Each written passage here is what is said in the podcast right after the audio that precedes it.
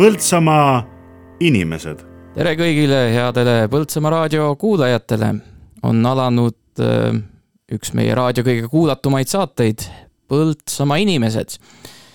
ja mul on hea meel tervitada siin täna Sirje Anget, tere Sirje. tere, Samuel. Sirje, praegu on äh, jõulude eelne aeg, kui me seda salvestame, kuigi kuulajateni siis see saade jõuab natukene äh, pärast jõule.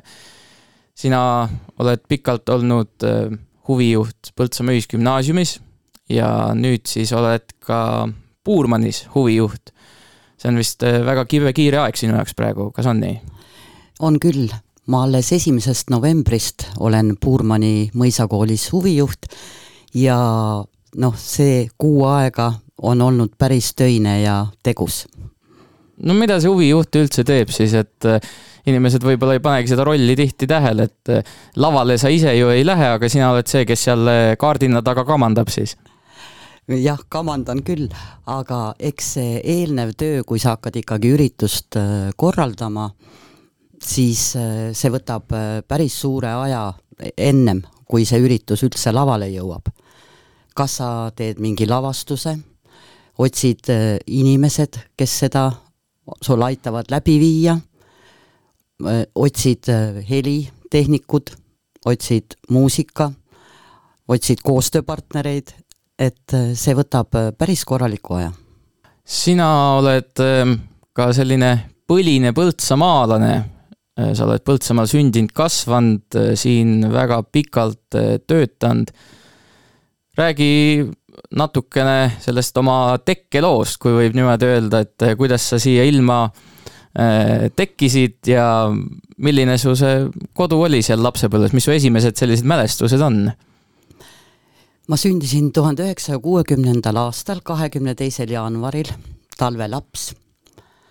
ja elasime me siis autobaasi vastas Pargi tänaval. meil oli väikene niisugune korter, seal oli köök, seal oli suurem tuba ja rohkem meil ei olnudki, niimoodi me ema, isa ja mina elasime, ma olin ainuke laps peres. ma ei ütleks, et ma oleksin olnud sellel ajal selline ärahellitatud laps. pigem ma otsisingi endale neid mängupartnereid ja sõpru ja meil oli lasteaed kõrval. sealsamas lasteaias ma käisin ja meil oli majas ja ka kõrvalmajades palju lapsi, nii et äh, mu nooruspõlv möödus seal. Kui ma sain üheksa-aastaseks, siis äh, isa töötas MEK-is ehituse peal ja saime korteri äh, Pajusi maantee neli, nii et seal elan ma ka veel praegu. kuigi korter sai vahetatud, et kolmetoaline kahetoalise vastu. ja Põltsamaa koolis õppisin ma kuni tuhande üheksasaja seitsmekümne kaheksanda aastani, mille lõpetades otsustasin, et minule on südamelähedane niisugune kultuuritöö ja tantsimine ja ma läksin Viljandisse õppima. lõpetasin Viljandi kooli, siis sündisid samal ajal mul üks laps, pärast seda natukene aega, kahe aasta pärast oli teine ja ma jäingi Põltsamaale paikseks alustasin oma tööd äh, Ants Pöögelmanni nimelises kutsekoolis äh, klubijuhatajana ja noh, see oli tore aeg. seal olid nüüd nagu niisugused täiskasvanumad lapsed, noored, mitte lapsed, vaid noored. ja tore kollektiiv, meenutan täiesti hingevärinal neid vahvaid üritusi, mida me seal tegime ja, ja koos jõulupidusid õpetajatega ja noortega. Noh, üks minu õpilastest on Margus Kastor olnud. ja see aeg äh, möödus siis niimoodi, et mul tuli hakata mõtlema edasimineku peale, kuna lapsed läksid lasteaeda ja linnast oli nii kauge käia bussiliiklus oli nagu ta oli ja äh, proua Helje Tamme kutsus mind lasteaed Tõrukesse muusikakasvatajaks asendama algul.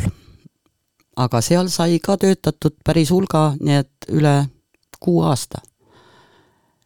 ja pärast seda lasteaias, lasteaiapere ka, ma ütlen, väga toredad äh, üritused olid, äh, lapsed, siis olid mul hoopis teine kontingent käes, olid ju väikesed, alates äh, seal sõimerühmadest suuremateni ja sel ajal oli ka ju Tõrukese lasteaias veel esimene klass.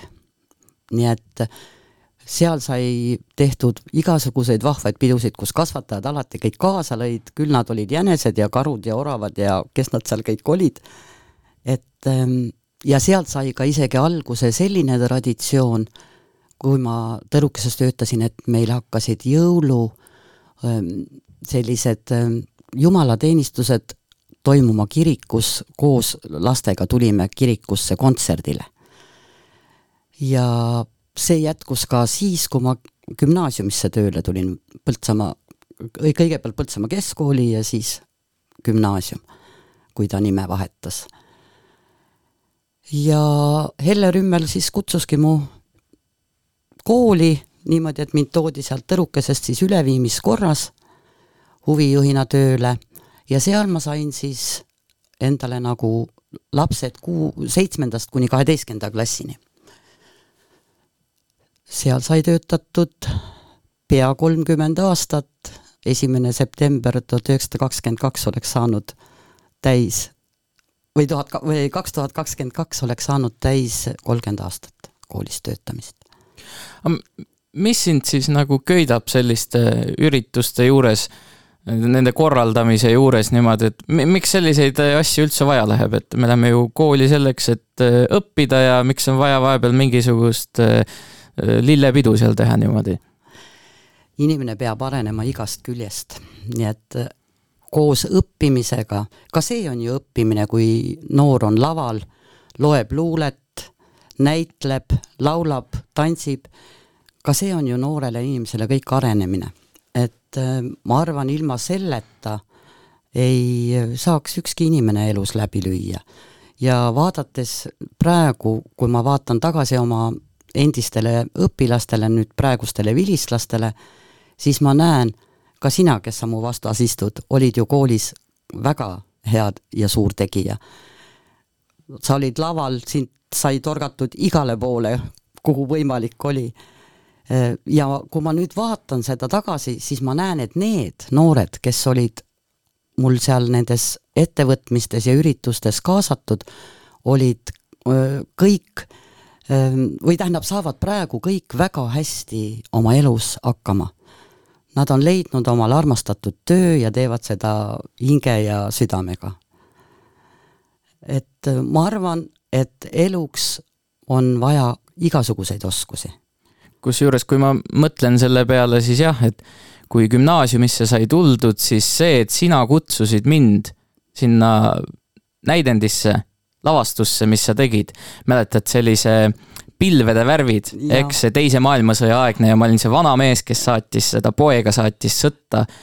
ja see oli selline kogemus, et see üldse tõigi minus mingisuguse huvi sellise näitlemise vastu või teatri vastu tagasi, nii et kui sina ei oleks mind sinna kutsunud, siis äh, ma ei tea, kas, kas mu, mulle üldse praegu meeldiks selliste asjadega tegeleda või, või kas ma seda raadiotki siin teeks. ja, ja ma ütlen, kõik sellised väiksed asjad ka kui, kui sa kutsud kasvõi, et on vaja mõnel õhtul paar sõna seal kuskil öelda, paberilt maha lugeda, need kõik asjad arendavad igatpidi. aga räägi, kui sina vaatad oma lapsepõlve tagasi, vaatad, mõtled oma vanemate peale, kas siis äh, su kodul oli ka juba siis mingisugune selline mõju, et kas siis teie pere oli ka ikka selline, kus äh, olid sinu vanemad esimesed tantsupõrandal ja lugesid kogu aeg kodus siis mingisuguseid luuletusi või kuidas see käis, et? ma isa kohta niimoodi ei saa võib-olla öelda, kuigi ta oli ka, tantsulõvi oli ta küll. Aga ema töötas sel ajal, kui ma väike olin, töötas ETKVL-is. ja sellel ajal Põltsamaal toimusid väga huvitavad üritused, küll olid rongkäike, küll oli äh, Ehm, igast laulupäevi ja asutused, kõik, kes Põltsamaal olid, need olid alati kaasatud sellesse.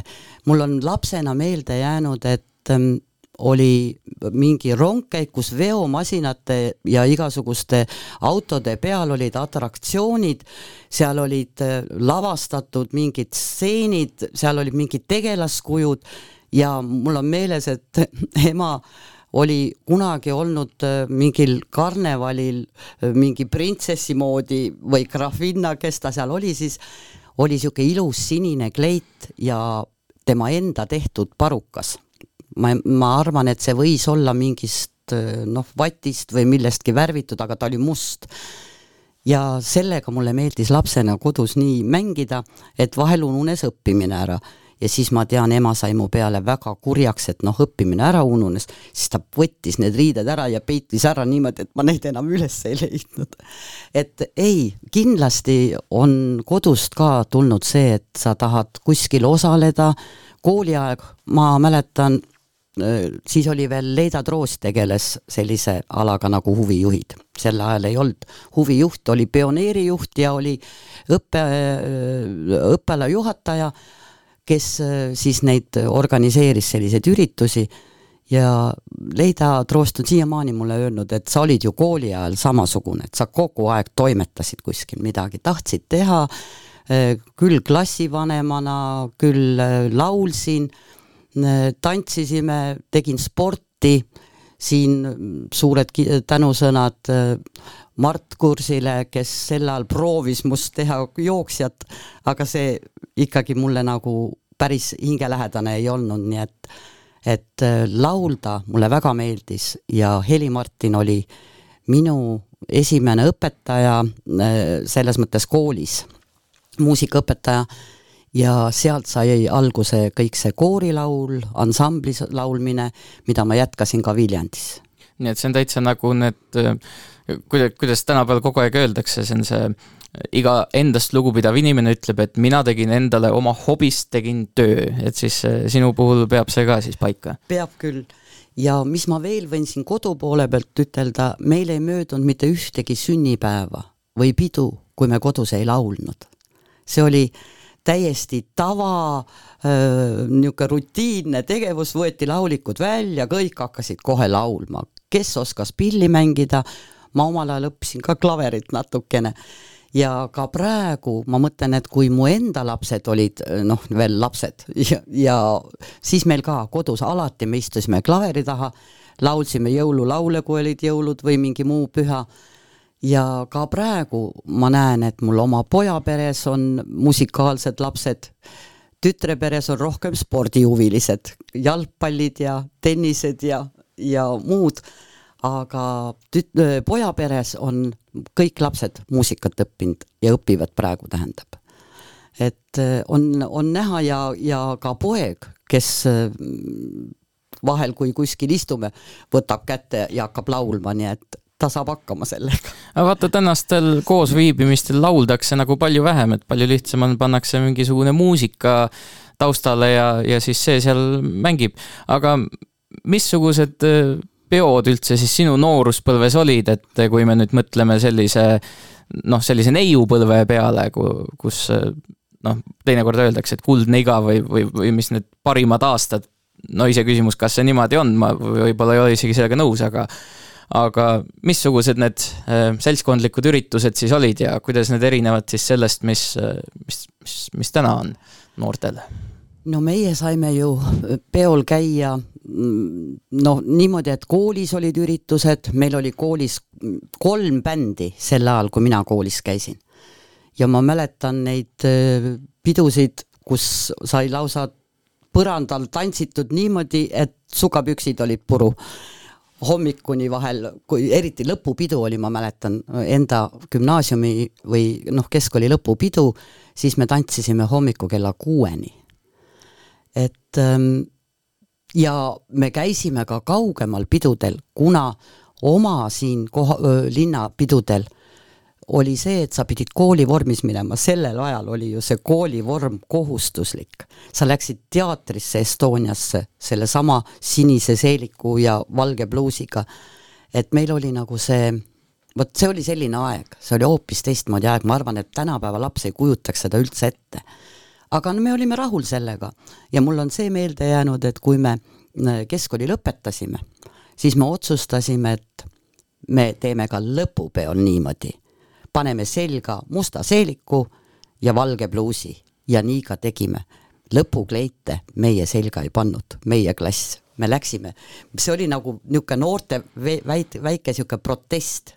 suvepäevadel, kui olid noorte suvepäevad, Jõgevamaa omad, siis meil olid kleidid seljas tehtud eraldi sellised lõpukleidid. aga aktusele läksime me valge pluusi ja musta seelikuga. Sa valisid, et me mängime täna siin ette sellist eh, lugu, selline Beatlesite lugu nagu Hey Jude. kas see oli siis ka mingisugune selline pala, mille taustal sina mõne kontsa murdsid? jaa, Hey Jude on olnud äh, väga minu hingele niisugune Beatlesite üks parimaid lugusid ja ma mäletan, et äh, sel ajal olid ju vi-, vinüülplaadid ja mul oli siis see väike singel, kus oli peal see Hey Jude ja ma laenasin selle plaadi välja ühele oma sõbrannale ja tema väikeõde kogemata lõhkus selle plaadi. Ja mul oli sellest nii hingest nii kahju, aga nüüd tänapäeval on ju kõik asjad olemas arvutis, et sa saad kogu aeg kuulata sealt. Ja Hey Jude on minu Beatlesite üks parimaid lugusid. Ja Beatlesid olid ka meie nooruspõlve ansambel. Hey Jude, don't make it bad. Take a sad song and make it better. Remember to let her into your heart. Then you can start to make it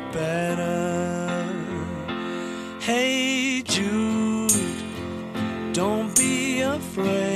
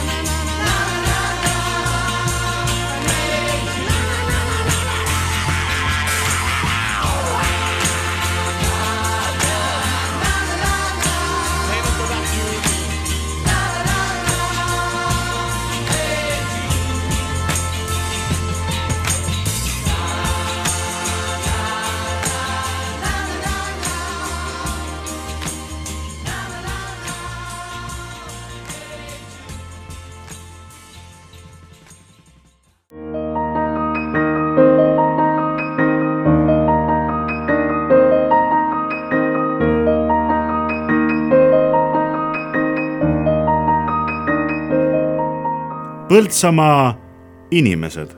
ja tere tulemast tagasi, käimas on jätkuvalt saade Põltsamaa inimesed, mina olen Samuel Aksel Maikalu ning äh, minu äh, suur ja auväärne külaline siin täna on Sirje Ange. Sirje, sa juba enne rääkisid äh, paari sõnaga oma perekonnast, et kuidas poja perekonna po,, poja perekonnale meeldib muusika ja tütre perekonnale meeldib sport. räägi, palju teid üldse on, selles mõttes, et ma mäletan, kui sinna sinu kabinetti sai Põltsamaa Ühisgümnaasiumis sisse astutud, siis sul oli alati seal mingi sada perepilti olid niimoodi eh, üle terve su laua pandud. palju teid on ja millega kõik eh, siis tegelevad? mul on kaks last, poeg Kristo ja tütar Pirjo ja neil mõlemil on ka veel kolm last, nii et kokku olen ma kuue lapselapse vanaema eh, tütre peres on üks tütar ja kaks poissi. poja peres on kõik tüdrukud. ja seal ongi siis niimoodi, et poeg on valinud endale äh, nai-, äh, abikaasa või elukaaslase täpselt öö, äh, ema järgi. ka Minija on mul öö, huvijuht Adavere koolis ja tantsuõpetaja nii et ei tea, kas on seal mingid kokkusattumused või, või öeldakse, et poeg valib ema järgi naise. nii nad ütlevad, jah. Aga tütar elab Pärnus ja tal on oma maja, neil on ilus elamine, mere, lähe-, meri on lähedal, nii et see on üks asi, mis on minu unistus kogu aeg olnud, et mulle meeletult meeldib meri. ja kui ma saan suvel seal olla, siis kui on ilusad ilmad, siis no veest välja meid sealt ei saa, et me oleme siis mere ääres hästi palju. no laste koha pealt üks lapselastest kõige vanem hakkab see aasta lõpetama gümnaasiumi, õpib Koidula gümnaasiumis ja on esimene siis, kes kooli lõpetab poja peres kõige vanem tütar Marta, tema on siis Paide gümnaasiumis, riigigümnaasiumis. ja ma ka näen, et, et seal on ikkagi midagi on nagu geenides on antud, et ka tema on selline, kooli ajal Adaveres oli ta niisugune sahmerdaja ja tegija ja oli ja küll ta tegi sporti ja küll ta näitles ja laulis, mängis pilli ja jätkuvalt ka seal Paides ma kuulen, et, et ta toimetab ikkagi niisuguste ettevõtlike noortega koos. et ähm, noh, ma tunnen ainult siirast rõõmu oma laste perede üle, et, et neil on lapsi rohkem, kui minul oli, mina olin ainuke laps peres ja ma mäletan seda oma lapsepõlves, et et ükskõik, mis lapsevanker maja juurest mööda läks, siis olin mina kadunud, ema otsis mind tagasi, sest ma olin selle titevankriga kaasa jalutanud. et ähm, ma väga tahtsin endale venda ja õde, aga noh, kahjuks ei, saatus ei andnud seda. ja võib-olla seetõttu ka ongi see, et ma seal kooli ajal selline organiseerija ja, ja korraldaja olin võib-olla ka see oligi see, et, et sa said nagu seltskonnas olla, sa otsid, leidsid omale niisugused kaasmõtlejad, kes olid ka kohe nõus igas asjas kaasa lööma, et öö, see andis eluks ka sellise oskuse, et ükskõik, mis koduseid üritusi ma korraldan või, või me teeme midagi, siis ma olen ka seal alati mingisuguse väikese niisuguse lavastuse ja võimaluse leidnud, et, et see ei oleks pelgalt laua taga istumine ja söömine, et, et äh, mulle meeldib see. no mis on siis äh, laste kasvatamise juures kõige olulisem asi? laste kasvatamise juures kõige olulisem on nähtavasti see, et see üksteise ja, ja teineteise mõistmine peab olema selline, et sa ei muutuks selliseks isekaks ähm, ainult endale mõtlevaks, vaid et ähm, esmane on ka see, et sa, sa jagad nagu kõiki neid ähm, oma, ma ei tea, kas või mänguasju, võtame lapse eas, et, et sa ei oleks kade, et, et see et sul oleks sõbrad ümber, kes sind toetavad alati, olgu ta siis kas rõõmsal hetkel või raskel hetkel, et ka minu kodus käis palju sõpru, ka lapsed öö, olid täpselt samamoodi, et lastesõbrad ja sõbrannad käisid, ka minu enda öö, pinginaaber vahel, kui ta, tema elas kaugemal Pajusis. Ja kui meil olid koolis peod, ta sai minu juures ööbida. Me olime alati koos, et see on kõik selline jagamine ja, ja rõõmu tundmine, et ähm, minu jaoks ongi see elus vist üks tähtsamaid asju, et, et sa tunneksid elust rõõmu ja sellest, mida sa teed, oma töö, et ähm, see on nagu niisugune jagamise rõõm. et sa ei tee seda pelgalt ainult endale, vaid sa vastupidi, sa jagad seda, et ka teised saaksid kõik sellest osa. Mulle tundub jah, et äh, sinu perekond tunneb sinust ka palju rõõmu, et siin vahetult enne salvestust üks su lapselaps helistas sulle ja küsis, ma kuulsin veel läbi selle toru, et küsis, et, et vanaema, kas sa täna meile ka ööseks tuled, aga näed, sa ütlesid, et sa ei saa tulla, et et käite perega palju läbi, jah? ikka käime, meil on ikka jõulude aeg, oleme me alati koos, kas siis tütre juures või, või eelnevatel aegadel, kui veel tütrel maja ei olnud, siis saime meie juures kokku kodus ja siis oli ka juba laiem noh, niimoodi suguvõsa koos, et oli minu ämm ja ja meheõde ja ja tema laps, tütar ja, ja et meil oli ikka niisugune selline suurem kogukond, et jõulusid me alati nagu tähistasime perekondlikult, nii et me olime kõik koos. aga kuidas sa oma abikaasaga siis kohtusid?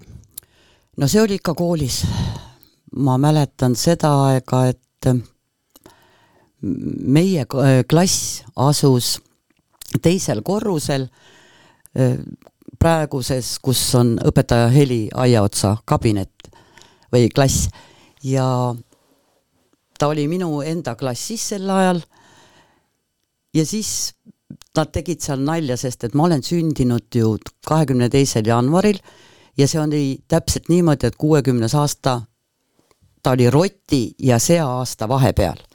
ja nad hakkasid mind kutsuma seal klassis rotiks. Ma isegi algul siis ei teadnud, sest sel ajal seda horoskoopide värki ju niimoodi ei olnud, see on nagu nüüd juba uuema aja asjad. aga nad hakkasid mind rotiks kutsuma ja siis ma ükskord hiljem avastasin, et ma olengi roti ja sea-aasta vahepeal sündinud niimoodi, et üks aasta veel ei olnud üle läinud, siga ei olnud veel lõppenud, kui rott algas. ja nad arvasid siis, et noh, kui ma rott olen, et siis võis ju igasugust nalja võiks teha ju uh. -huh. Ükskord nad siis äh, niimoodi, meil olid sel ajal need rohelised koolipluusid, koolivorm. ja siis ma mäletan seda, et nad toppisid mulle siia ühe teise klassivennaga taskusse juustu, et noh, muidu on kõht tühi, kui koolis oled ja panid juustu, aga ma unustasin ära selle kohe võtta või, või ma ei märganud, ma isegi ei mäleta, ma vist ei märganud ja kui siis ema järgmisel päeval pluusi pessu pani, pani koos selle juustuga ja siis oli pahandust kodus kui palju. Nii et igasuguseid selliseid vahvaid juhtumisi on olnud, kord nad tassisid mulle hapukapsasuppi klassi, arvasid, sest sel ajal ma olin niisugune kõh-, kõhna ja kleenuke ja ja vahvaid nimesid oli mul isegi lapsepõlves seal oma ümbruskaudsed poisid panid mulle nimeks seal traatjalgadega viinervorst, et ma olin niisugune pikk ja peenike. Oota, aga siis lõpuks sai ikkagi rotitüdruk kuidagi pruudiks võetud ja siis ja, naiseks ka võetud et...? ja, ja, ja see toimus siis tuhande üheksasaja seitsmekümne üheksandal aastal, kui siis sai ja ma olin veel siis Viljandis õppisin, nii et kaheksakümnendal sündis siis esimene laps perre aprillis, kosmonautikapäeval kaheteistkümnendal aprillil. et ähm, jah, noh, elu on olnud selline, ta, ma ütlen, ma, et ei ole olnud kerge. on olnud igasuguseid, isa äh, ma kaotasin ju üheteistaastasena, nii et ema kasvatas mind äh, ju ja koolitas üksinda. aga ta sai hakkama ja ma olen väga tänulik oma emale, et ta on minus suutnud äh, sellist empaatiavõimet ja ja niisugust üksteisest arusaamist ja, ja väärtustanud nagu, et oskad nagu väärtuseid hinnata, et sellised väärtushinnangud olid minul paigas koolis ja ka lapsepõlves.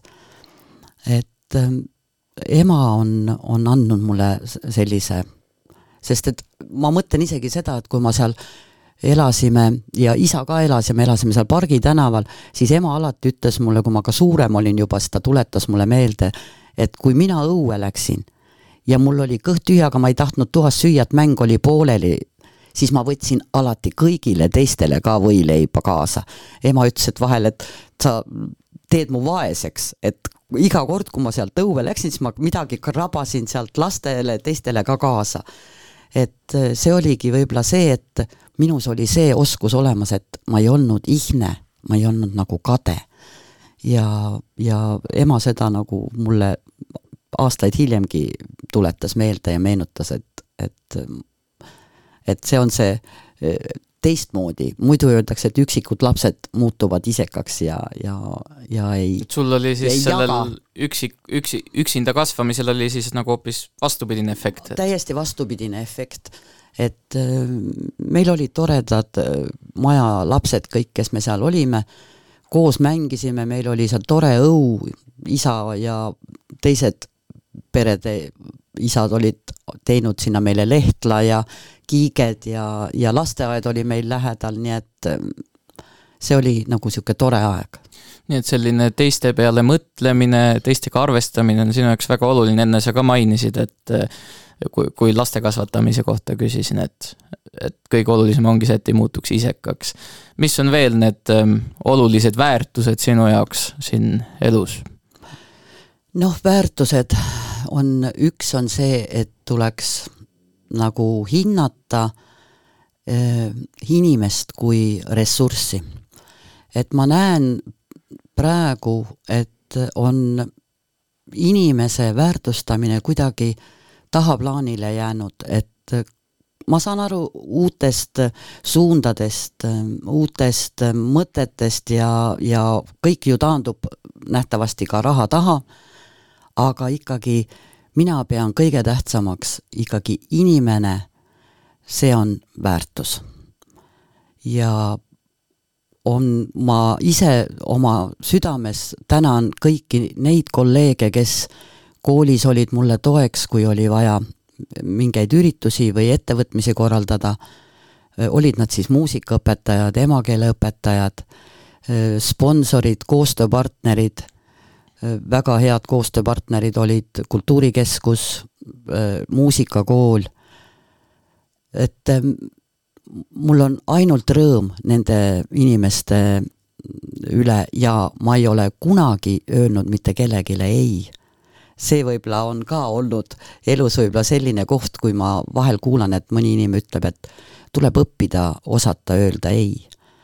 minu juures see nagu ei kehtinud, et kui keegi mu poole pöördus ja oli hädas või abi vajas, siis, siis ma alati tõttasin appi. on siin selle Covidi aeg, ma tuletan meelde seda aega siin, kas see oli vabariigi aastapäeval, kui Kultuurikeskuse personal, kõik ja kollektiiv olid haiged ja oli vaja viia läbi siin aktus äh, Vabadussamba juures, ma astusin kohe neile appi, et, et ähm, ma saan aru, et, et kui on inimene ütleb, et, et ta tuleb su poole ja küsib su käest abi, siis ei öelda on, ma arvan, kõige lihtsam. aga see, et sa ütled jaa, ma tulen ja aitan, see annab sellise hea tunde ka endale, mitte ainult neile, keda sa aitama lähed, vaid ka endale, et näed, ma olen võimeline hüppama kohe vette ja sealt välja ujuma. et mulle väga meeldib inimesi aidata ja ma praegugi, kui ma mõtlen selle peale, et ma olen nüüd Puurmani mõisakoolis huvijuht, ma olen väikeses koolis, imekaunis majas. ma ei, ma arvan seda, et kui sealpool ma olen nii vähest aega küll töötanud, aga ma jätkan täpselt sama samaga, et kui ükskõik, kes ütleb, et palun tule ja aita, siis ma arvan, see sõna ei minu pu puhul ei kehti. sa valisid äh, teiseks lauluks, mida me kuulame ka Ott Leplandi pala Aeg. et ähm, millega see sul seostub ka kuidagi teiste inimeste teenimisega või aitamisega või kuidas? mul on äh, Oti laulude puhul see, et tema laulud ei ole mitte ükski ilma sõnumita, et kõik need tema laulud on kuidagi sellise sõnumiga ja see aeg oli üks neist, mis mulle nagu tänase päeva puhul mõtlesin, et sobiks siia saatesse võib-olla kõige paremini. aeg on tõusta, aeg on minna taas sinna, kus kumamas hele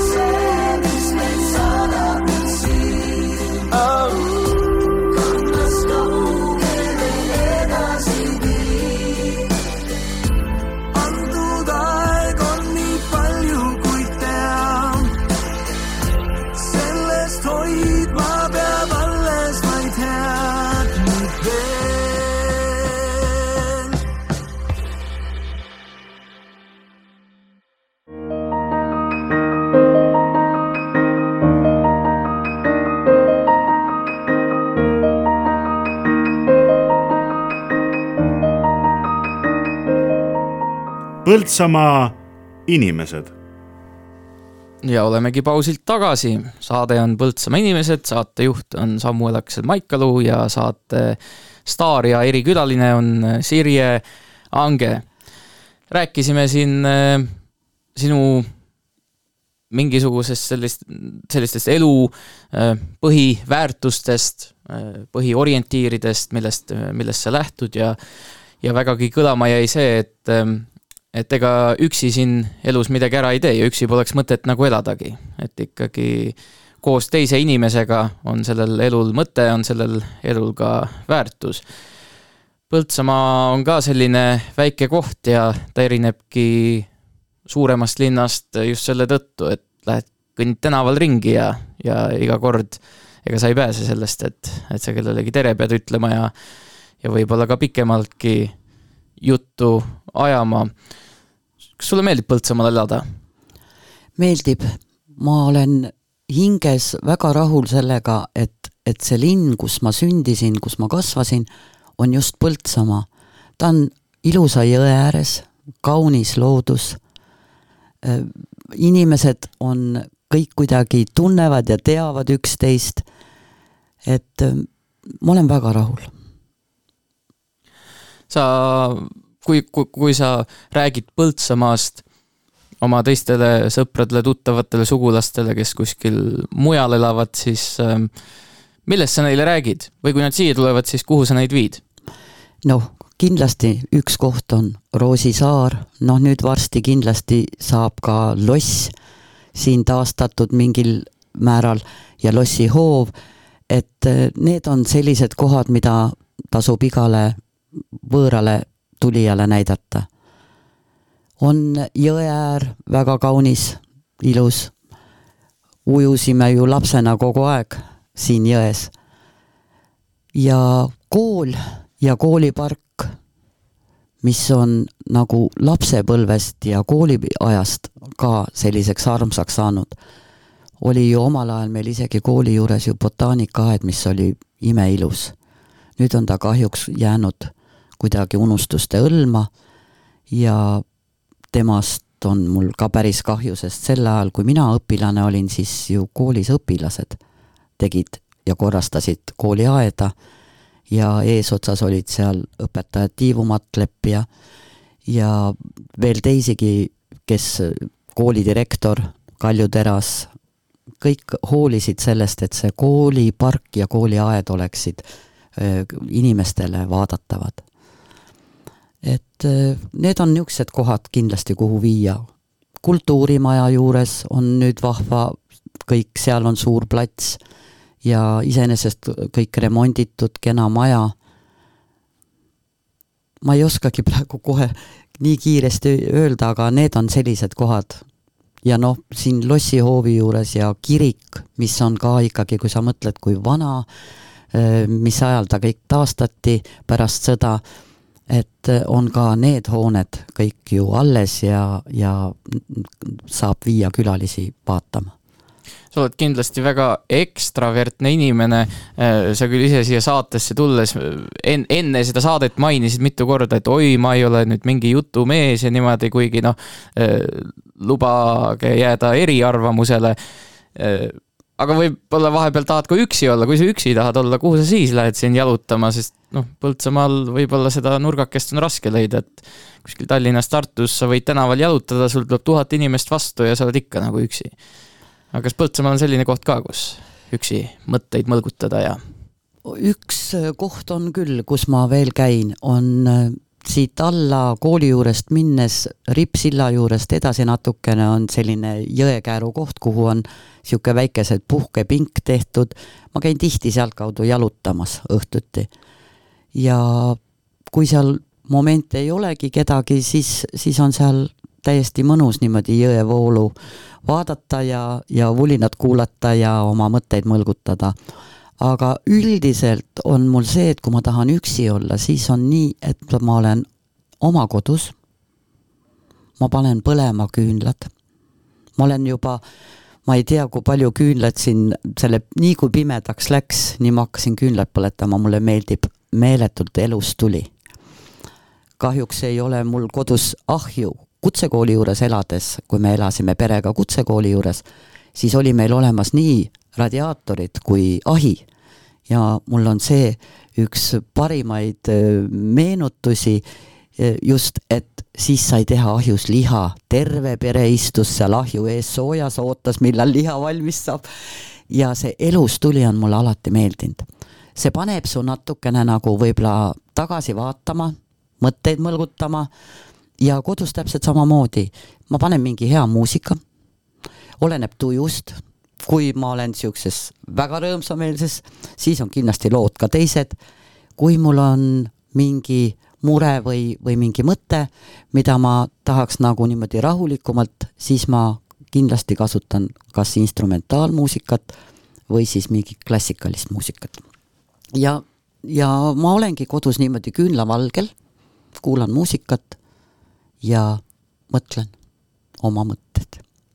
no kuidas see esteetiline mõte oligi, et kolm parimat asja, mida vaadata, elav tuli, voolav vesi ja töötav inimene. tööst rääkides Äh, siis äh, nagu sa ütlesid, sul oleks sellel aastal saanud Põltsamaa Ühisgümnaasiumis äh, kolmkümmend aastat täis, peaaegu natukene jäi, jäi sellest puudu. Aga mis pilguga sa vaatad sellele ajale muidu tagasi?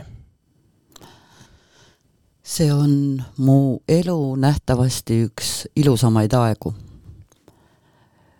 mul on nii suur rõõm et ma olen saanud töötada noortega, kes on tahtnud midagi teha. ja ma ei ole pidanud kedagi kuskil sundima või jõuga midagi tegema, vaid need noored ise olid kõik minu poole tulemas ja ütlesid, et, et nad tahaksid kuskil kaasa lüüa. see on väga tore. ja, ja ka see, et ma sain olla tööl omaenda koolis, kus ma ise ka koolis käisin on minu jaoks suur väärtus. sest paljud õpetajad, kes minul kooli ajal õpetasid mind, olid ju veel koolis ja nad olid nii vastutulelikud, nii toredad, nii aita, aitasid kaasa mul kõigepealt see esimese aasta sisse elada ja mul ei tekkinud isegi kordagi sellist mõtet, et noh, et näed, et võib-olla kooli ajal oli mul mõni ei olnud nii hea hinne ja see õpetaja ju teab, et ma seda ainet ei oska ja äkki ta arvab nüüd ka samamoodi, et, et ma ei oska võib-olla midagi. mul ei tekkinud kordagi sellist tunnet, et ma oleks pidanud tundma hirmu nende ees enda eel, eelneva koolipõlve pärast. ja no ma ei oskagi rohkem niisugust välja tuua, mis, mis on, aga just need toredad lapsed, õpilased, noored ja kolleegid, abivalmis kolleegid, et mul on neid nii palju üles lugeda, et ma nähtavasti siin kõiki ei jaksagi üles lugeda, kes alati, kui ka mina nende poole pöördusin abi saamiseks, et on vaja mõnel üritusel kas leida mõni ilus luuletus või, või, või etteaste, keegi, kes teeks midagi. või oli vahel vaja tunnist laps, siis me naerame siiamaani, kuidas õpilasedki tegid vahel järgi mind, et kuidas ma sinna klassi ukse vahelt niimoodi sisse piilusin ja, ja proovisin kikivarvul uksest sisse saada tunni ajal ja ütlesin, et kas ma tohin kaks sõna või kolm sõna öelda. ja siis vahel õpetaja Sirje Ääremaa või Marika Nugis, nemad naersid alati, ütlesid niimoodi, no nüüd on küll rohkem kui kolm sõna.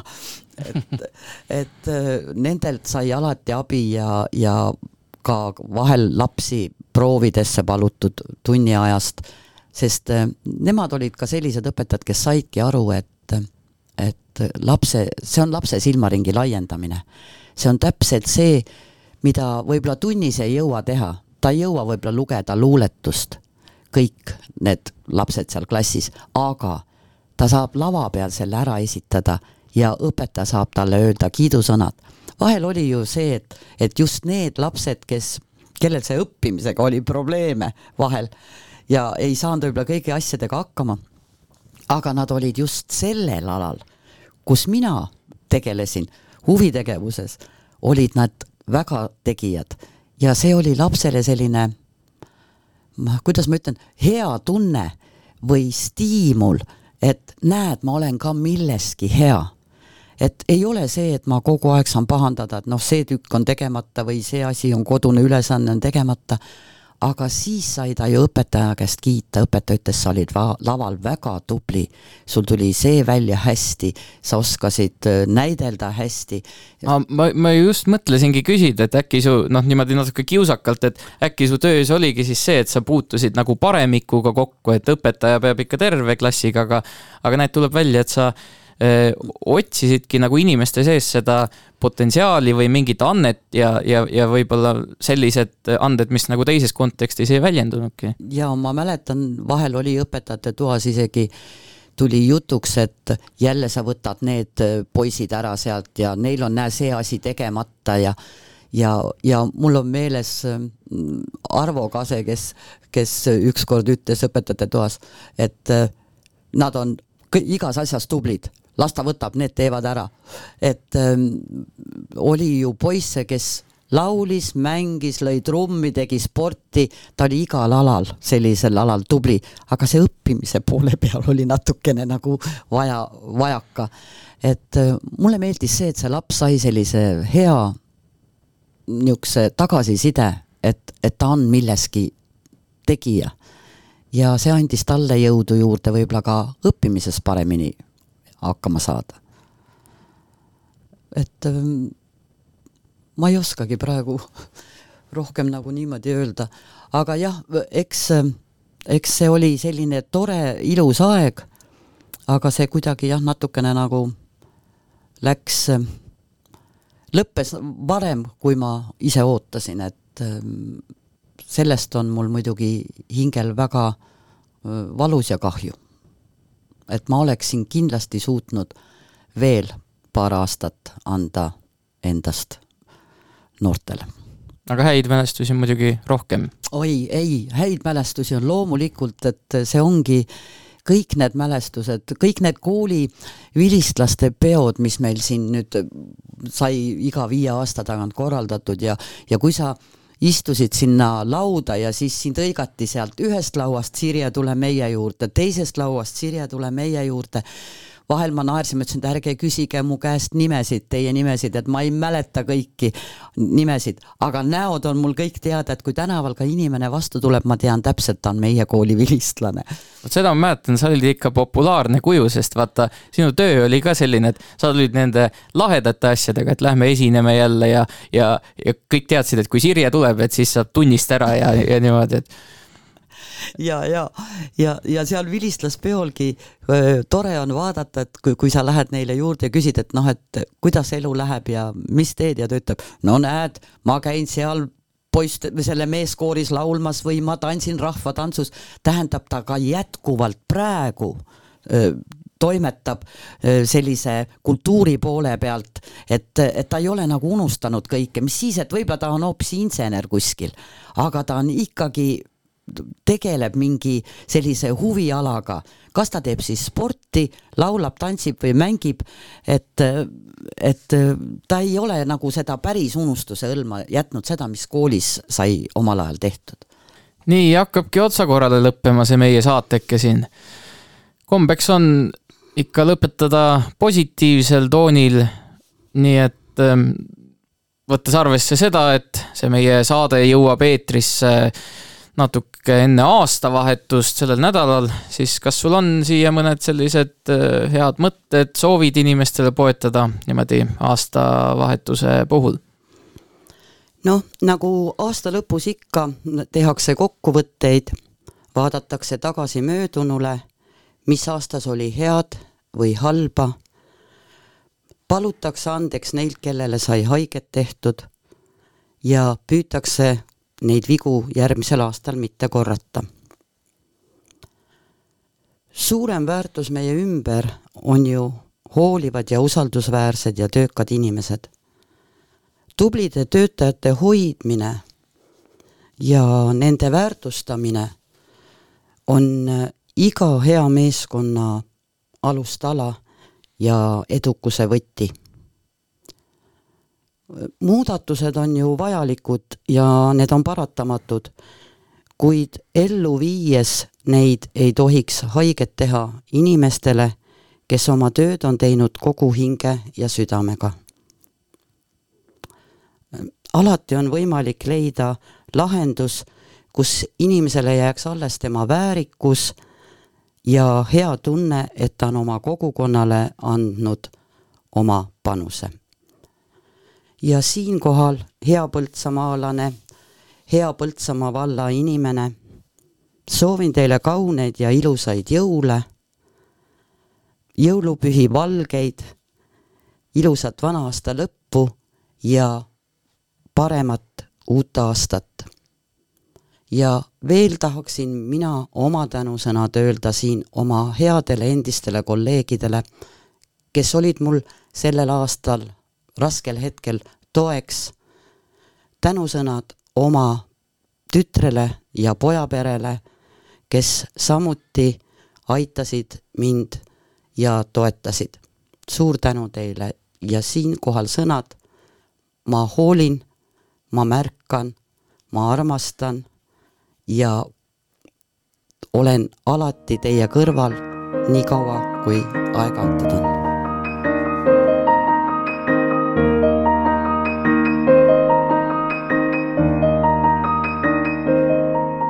Põltsamaa inimesed